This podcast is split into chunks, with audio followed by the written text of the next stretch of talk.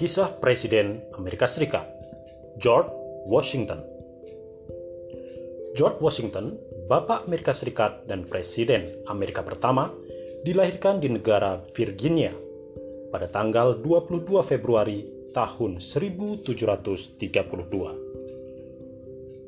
Ayahnya meninggal dunia ketika dia berusia 11 tahun. George Washington mula-mula bekerja sebagai mantri ukur. Ia masuk tentara pada usia 21 tahun ketika ia diangkat menjadi letnan kolonel dalam wajib militer oleh gubernur negara bagian Virginia.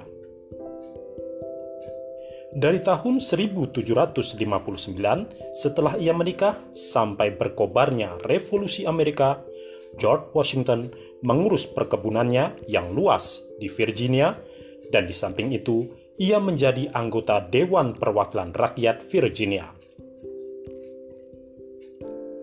Ketika ia berusia 33 tahun, George Washington memihak rakyat negara bagian Virginia yang memberontak melawan orang-orang Inggris yang mengeluarkan undang-undang yang menurut pendapat rakyat Virginia tidaklah adil.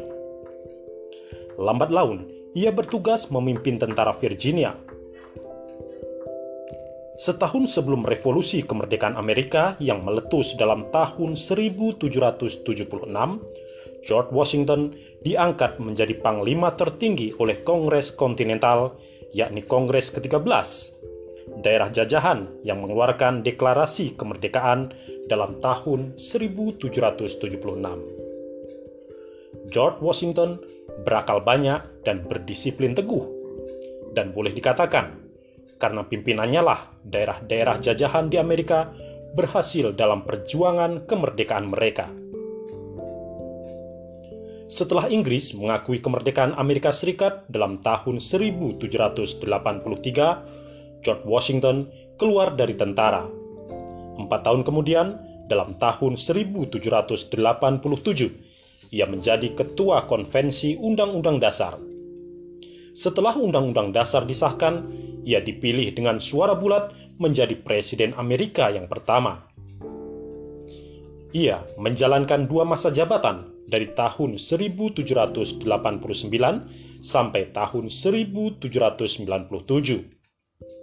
Dalam pidato perpisahannya di tahun 1797, ia menyerukan kepada rakyat Amerika Serikat agar meninggalkan rasa kepartaian yang berlebih-lebihan dan juga rasa kedaerahan.